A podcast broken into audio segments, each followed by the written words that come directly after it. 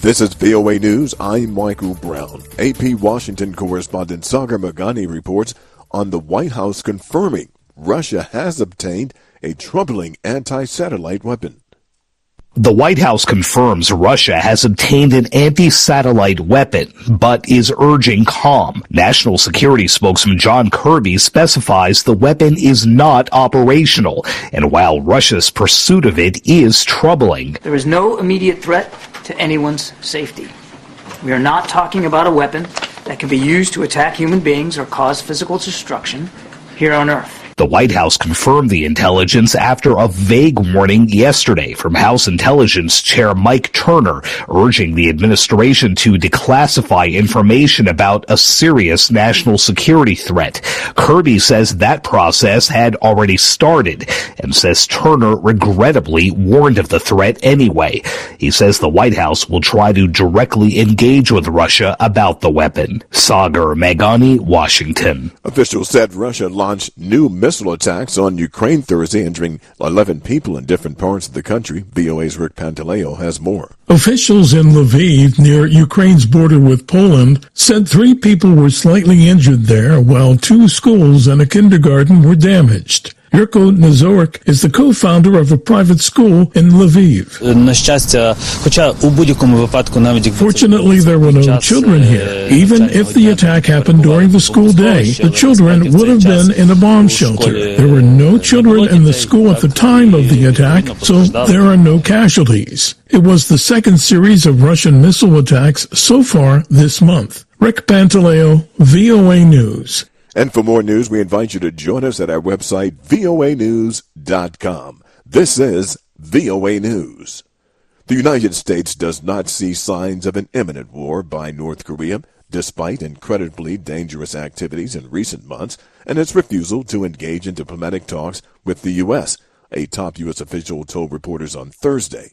Earlier this week, North Korea carried out its fifth cruise missile launch of the year, which came just days ahead of a joint U.S. Japan missile defense training exercise scheduled for next week.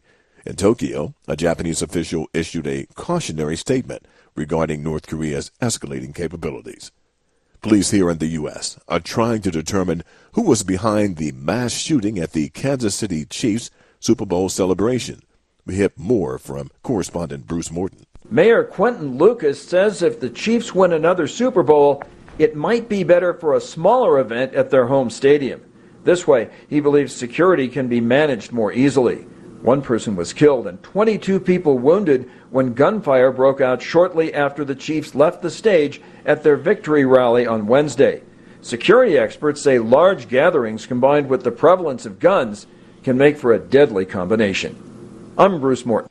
Greece has become the first Orthodox Christian country to legalize same-sex marriage. We get the details from AP correspondent Lisa Dwyer. Despite opposition from church officials, a cross-party majority of 176 lawmakers in the 300-seat Greek parliament voted in favor of the same-sex civil marriage bill drafted by the prime minister's center-right government. The new law recognizes parental rights for same-sex couples but will not allow gay men to acquire biological children by using surrogate mothers in Greece, an option currently available to women who can't have children for health reasons. Supporters of the bill say same-sex couples will now be able to pick up their children from school, be able to travel, go to the doctor, or take children to the hospital. Same-sex civil partnerships have been allowed in Greece since 2015, but that only conferred legal guardianship to the biological parent, leaving their partners in a bureaucratic limbo. I'm Lisa Dwyer. Senegal's Constitutional Council on Thursday ruled that Parliament's unprecedented postponement of the February 25th presidential election was not in line with the Constitution, pitching the country into a new phase of electoral uncertainty. Opposition presidential candidates, lawmakers last week filed legal challenges to the bill that delayed the vote to December and extended President Macky Sall's mandate in what critics said amounted to an institutional coup. The standoff has fueled widespread unrest and raised international concerns that one of the remaining democracies in coup-hit West Africa is under threat. For more news, join us at voanews.com. I'm Michael Brown, VOA News.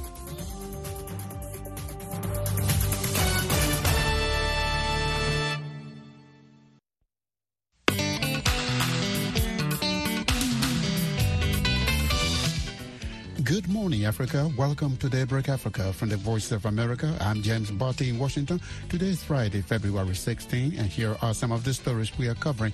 Senegal's Constitutional Council says President Macky Sall's abrupt delay of the February presidential election is unconstitutional. This means that Senegalese strongly defend their own constitution, and it means that the democratic system that we have, you know, the social contract that is behind that democratic system is still holding. The internet restrictions in Guinea begin hitting hard on companies and the economy. A Zimbabwe court convicts and sentences an opposition leader for the second time. Somalia and the United States signed a memorandum of understanding to construct five military bases for Somalia's elite forces. The aim is to start soon and finish within this calendar year, where uh, the Somali security forces are aiming to take responsibility of security from ATMIS. And Malawi police seized mobile phones and laptops from at least 14 journalists working at the state-run Malawi Broadcasting Corporation. Those stories, plus our Black History Month presentation and, and Samson Omale sports are coming up on Daybreak Africa. Senegal's February 25 presidential election that was abruptly postponed by President Macky Sall and codified by parliamentary by the parliament may be back on track. This after the country's constitutional council late Thursday ruled that the postponement violated Senegal's constitution. The abrupt delay generated protest and international condemnation. Political analyst Ibrahim Khan tells me that Senegalese see the constitutional council ruling as a testament to the strength of their country's democracy. This afternoon, the Constitutional Council decided to abrogate the decree that the president used to call off the election. And also, the Constitutional Court declared the law that was adopted by the Parliament unconstitutional, meaning that the election will go ahead and that the president uh, term will end on 2nd of April. That's exactly what I was going to ask you. What happens now to the election? So, is everybody ready to go? Yes, but I think the Constitutional Court was uh, really aware of the fact that now the election cannot be held on the 25th of February. In one particular paragraph of uh, the decision, he said that he knows that it's practically not possible to have the election on time. Now it's asking the institutions that are really organizing the election to come up with a new date for the election, realistic date for the election. So then that date of the election will be then approved by the, the Constitutional Council. So it means that election will be certainly held end of March, maybe beginning of April, because not many things have been done to have the election held in February. So they have to do a lot of work. But and this is very important, the same list that the Constitutional Council has uh, adopted to participate in the election are the only people who will be participating in the election. In the meantime, we know that uh, President Macky Sall is supposed to leave office in April. Are you saying that the election will be held before the time for the president to leave power?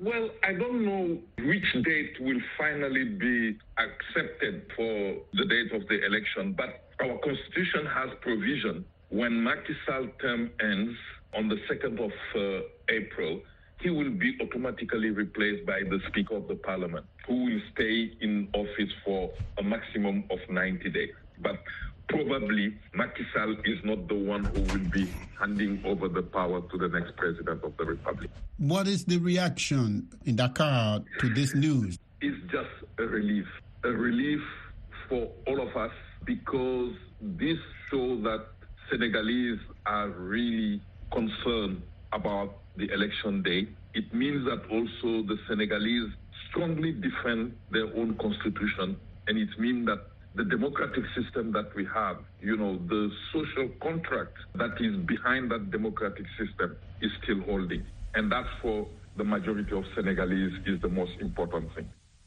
Ibrahim Khan is a Senegalese political analyst. He was speaking with us from the capital, Dakar.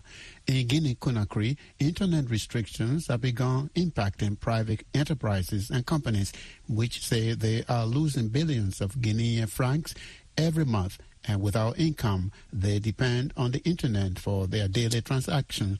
Many say they are planning to close until the web is properly restored. Karim Kamara has the story from Conakry.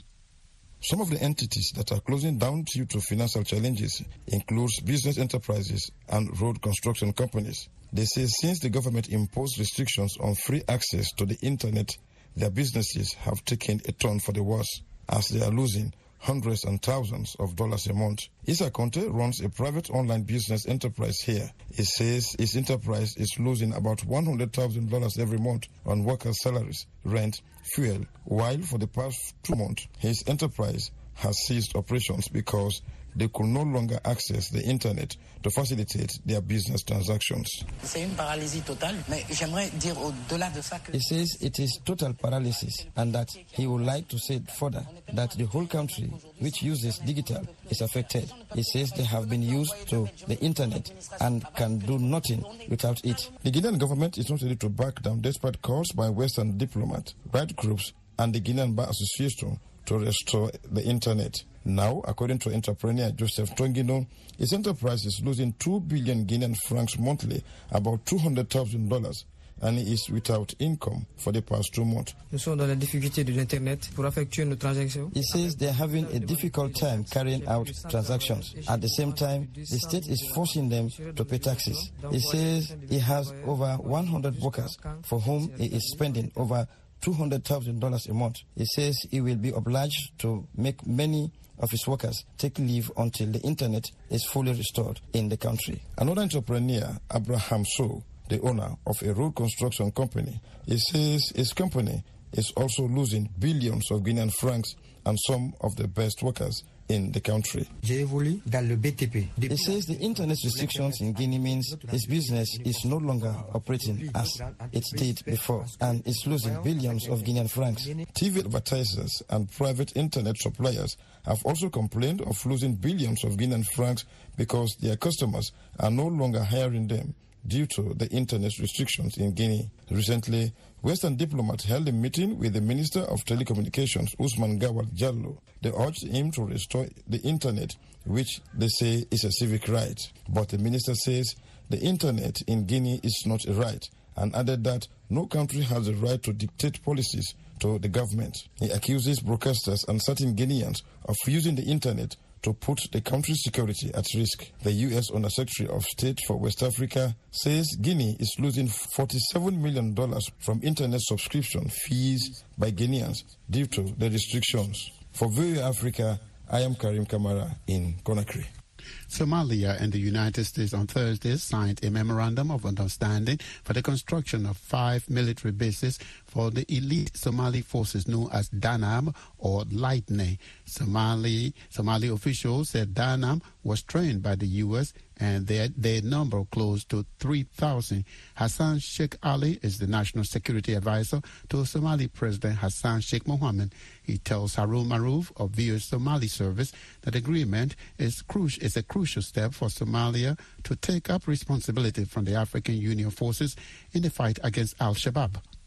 This memorandum of understanding is a, a follow-up agreements that uh, the United States and the uh, Somalia government have agreed to uh, rebuild Somali special forces called Danab, number size 3,000, with it is uh, all capabilities, including the camps that they're going to operate from.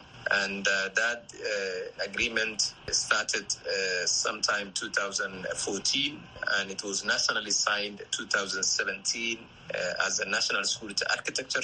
And this memorandum that was signed uh, today was a completion of that uh, agreements.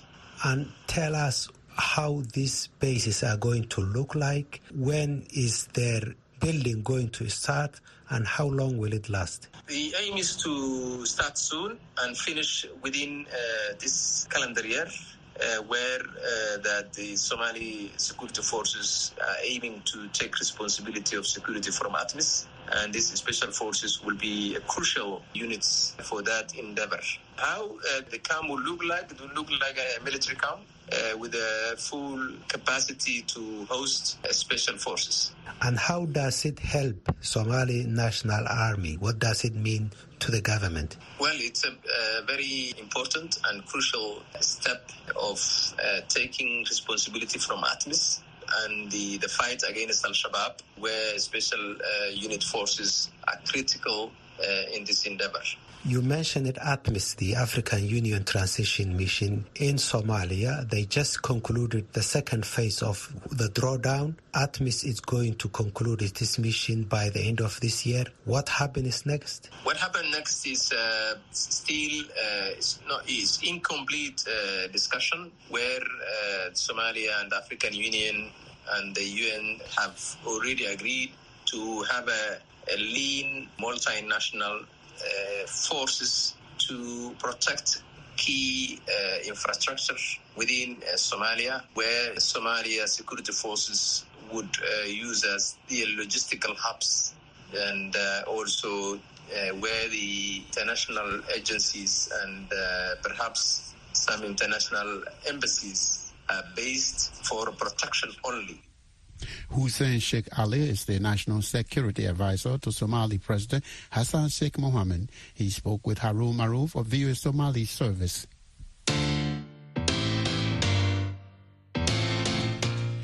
You are listening to Daybreak Africa on the Voice of America. I'm James Butty in Washington. Today is Friday, February 16. For more Africa news and features, visit our website at voaafrica.com. Connect with us on all social media platforms. We are on Facebook, Twitter, and Instagram. And still to come on our program, Samson Omale Sports and our Black History Month facts.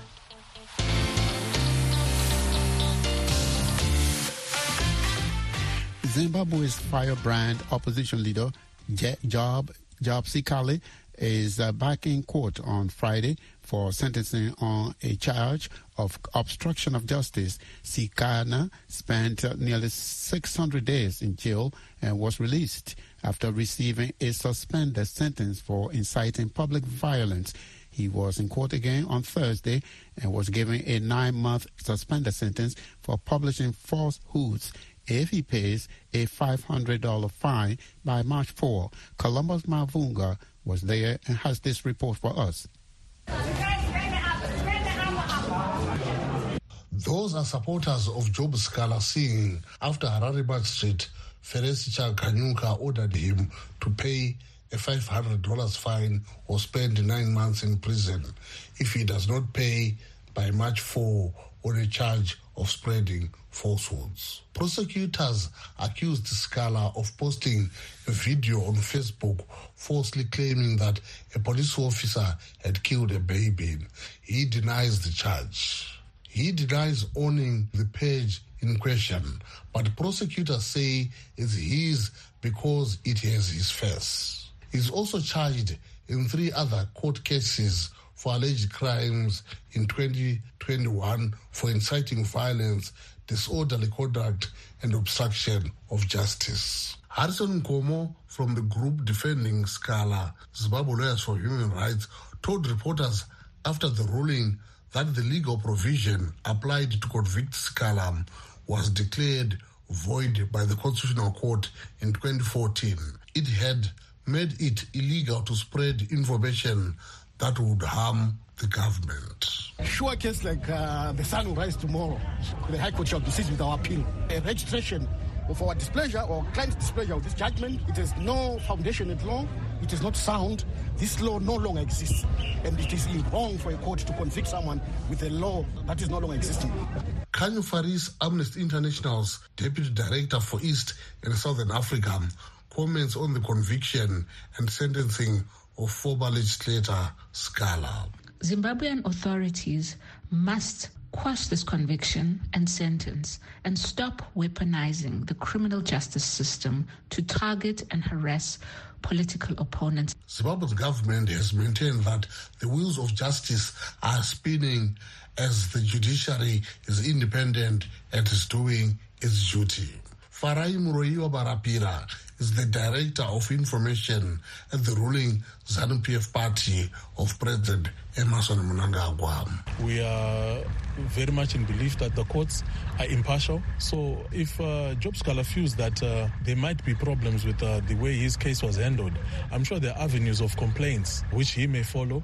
That's certainly at variance with what Sikhala and his legal team thinks. Once sentencing is announced for his disorderly conduct charge on Friday, he plans to file an appeal with the High Courts and then he will wait for the fourth case due for sentencing next week on a charge of obstructing justice. For Daybreak Africa, I'm Columbus Mavunga in Harare. Police in Malawi have seized mobile phones and laptops from at least 14 journalists working at the state-run Malawi Broadcasting Corporation, or the MBC. The journalists are suspected of running a fake Facebook account bearing MBC's name, where they allegedly posted false and anti-government stories. Press freedom groups have faulted the police of uh, invading the journalists' privacy. Lamek Masina reports from Blantyre. A spokesperson for the Malawi Police Service, Peter Kalaya, told VOA that the probe is in response to complaints from the management of the Malawi Broadcasting Corporation. In the process of the investigations, we secured a search warrant from a court of law, which we have used to confiscate electronic gadgets from suspects, and the gadgets include phones as well as laptops. Kalaya declined to reveal the exact number of people being investigated and how they were identified for alleged committing cyber crimes. However, local media reports say that 14 journalists associated with MBC, including some who have left the channel, have had their devices searched. MBC Public Relations Manager Chisomo Mamadi refused to comment on the investigation, saying the channel has left everything in the hands of police. Grayson Chapita, former controller of news for MBC TV in Blantyre, is among the suspects. He told VOA that on Wednesday, police officers forced him to log into all his devices which have access to the internet. They searched my laptop. They were so much interested with my Facebook account. Uh, they did not check my emails, but they looked for uh, the passwords and the uh, Facebook recovery in the system and the other emails that were in the system. They checked close to about 20 minutes and they took some screenshots. Chapita says police retained his devices after one of the police investigators said they did not find what they were looking for. Chapita said he stopped accessing all online platforms for MBC long before he stopped working at the state-run media organization. Some journalists who had their devices confiscated refused to give their names for fear of reprisals but told VOA they fear police will gain access to confidential information they shared with news sources. National Police spokesperson Nikolaya said journalists are not immune to any type of police investigation. Some of the people who we are following up are not employees of MBC. And you cannot run away from a criminal investigation just because you are a journalist or because you are in this or that profession. No person is above the law. Kalaya said police will keep confidential all the private information they find in the confiscated phones. Lamek Masina, VOA News, Blantyre, uh, Malawi. It is time now for Daybreak Africa Sports, and here is Samson Omale in Abuja, Nigeria. A very good Friday morning to you, Samson. Good Friday morning to you too, James. We begin the sport with football. The Equatorial Guinean Football Federation has indefinitely suspended the 2023 Africa Cup of Nations top scorer and captain Emilio Nsue Lopez and midfielder Iban Salvador for gross indiscipline at the just concluded tournament in Cote d'Ivoire. In a release by the Federation, it did not detail the acts of indiscipline by the players but referred to a January 29th unpleasant incident by Iban in Abidjan, which necessitated the intervention of the Ivorian police. Fegofoot Secretary General Juan Antonio Nguema Mene said the incident caused a major delay in the return of the team to Equatorial Guinea and also tainted its reputation. In women football, Zambia footballer Rachel Kundananji has become the world's most expensive women's player, barely six years after making her debut on the national and international scene. The 23 year old has signed a deal with Bay FC of the American National Women's Soccer League worth $860,000, pricing her away from Madrid CFF. Kundananji is the first African player, male or female, to break a world transfer with her transfer upstaging the previous female record of 400,000 pounds in a deal between Keira Walsh and Barcelona in 2022. After a promising start in 2018, scoring three goals for Zambia at that year's Women's Africa Cup of Nations, her rise has been geometrical, scoring 33 League F goals in 43 games during her 18 months with Madrid. I'm super excited to join Bay FC. This is the opportunity I've been looking for, and uh, hopefully, I'll have a, a, great time with the team. And uh, we break so many records together, and you know, with the champions, with the chosen generation. Reigning champions of the CAF Beach Soccer Africa Cup of Nations, Senegal will be joined by the competition's runners-up, Egypt, at the FIFA Beach Soccer World Cup, which got underway on Thursday in the United Arab Emirates, Dubai. The 13th edition of the FIFA Beach Soccer World Cup sees the four-time African champions Senegal joined by Egypt as the two African representatives at the 16 nation competition. The two nations secured their tickets to the global showpiece as a result of being the finalists at the CAF Beach Soccer Africa Cup of Nations held in Mozambique in 2022. In motorsports, the inaugural African Karting Cup being hosted by South Africa got underway on Thursday and will be concluded on Saturday. 40 of the finest participants from over 15 African countries, including Angola, Kenya, Madagascar, Mozambique, Namibia, Nigeria, Tanzania, South Africa, and Zimbabwe are competing in this event. The event will also introduce a mini rock invitational featuring OKN and OKJ classes in an arrive and drive format. And that's it for this Friday's edition of Daybreak Africa Sports. I am Samson Omale in Abuja, Nigeria. It's back to you, James, in Washington. Thank you, Samson. Have a great weekend.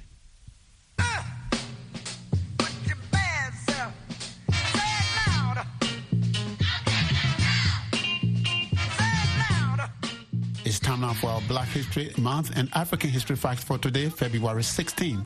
On this day, 1923, blues singer Bessie Smith, known as the Empress of the Blue, made her first recording. It was called Downhearted Blues. Smith sang about things in life that give people the blues, things like poverty, racism, and love that is not returned. Her songs capture the sadness and joy of many African Americans. Also on this day, 1970, Joe Frazier became World Heavyweight Boxing Champion after knocking out Jimmy Ellis in the second round at Madison Square Garden in New York City.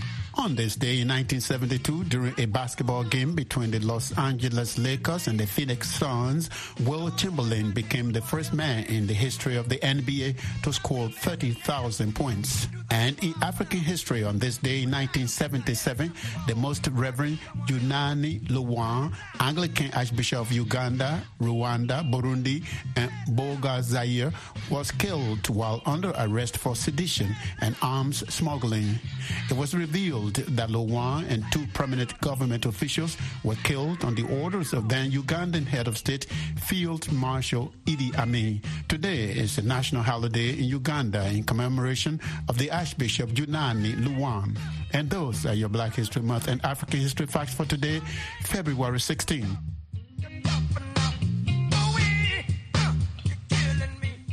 And that's it for this Friday, February 16th edition of Daybreak Africa. We thank you for spending your week with us. For more Africa news and features, visit our website at voaafrica.com. Connect with us on all social media platforms, including Facebook, Twitter, and Instagram. We are also on YouTube, where you can watch our TV shows, Africa 54, Straight Talk Africa, and Red Carpet.